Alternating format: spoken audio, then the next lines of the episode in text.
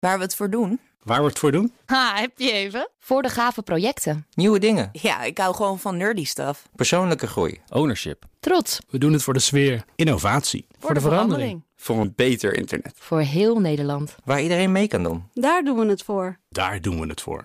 Waar doe jij het voor?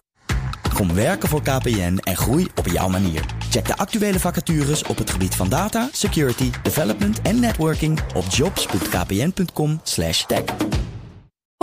Ik ben Carlijn Meinders. Dit is Wetenschap vanavond. Een springend gen, of jumping gene, is een stukje DNA op een chromosoom dat in het genoom van plaats kan wisselen. Zo'n gen kan zichzelf copy-pasten, waardoor meerdere afdrukken van hetzelfde gen ontstaan. De meeste organismen hebben herhalingen in hun DNA, waarvan sommige springende genen zijn. Maar omdat dat kopieergedrag niet per se goed is voor een organisme, heeft het lichaam ook trucjes om dit tegen te gaan. In ons wordt de hoeveelheid springende genen daarmee rond de 1% gehouden. In een nieuw onderzoek vonden wetenschappers juist voordelen voor het bestaan van springende genen. In een schimmel met een hele moeilijke naam. Ik ga het proberen. Batrachogithrium salamandriforans.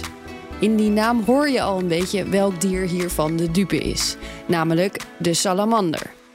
De schimmel heeft het niet alleen op salamanders gemunt. Wereldwijd is hij verantwoordelijk voor het infecteren en uitroeien van verschillende amfibiesoorten. Bij salamanders infecteert de schimmel de huid, waardoor nare wonden ontstaan en de salamander het vaak niet overleeft. Na het uitvoerig in kaart brengen van het genoom van de schimmel zagen onderzoekers dat hij vergeleken soortgenoten een veel uitgebreider genoom heeft, met veel meer van die springende genen erin.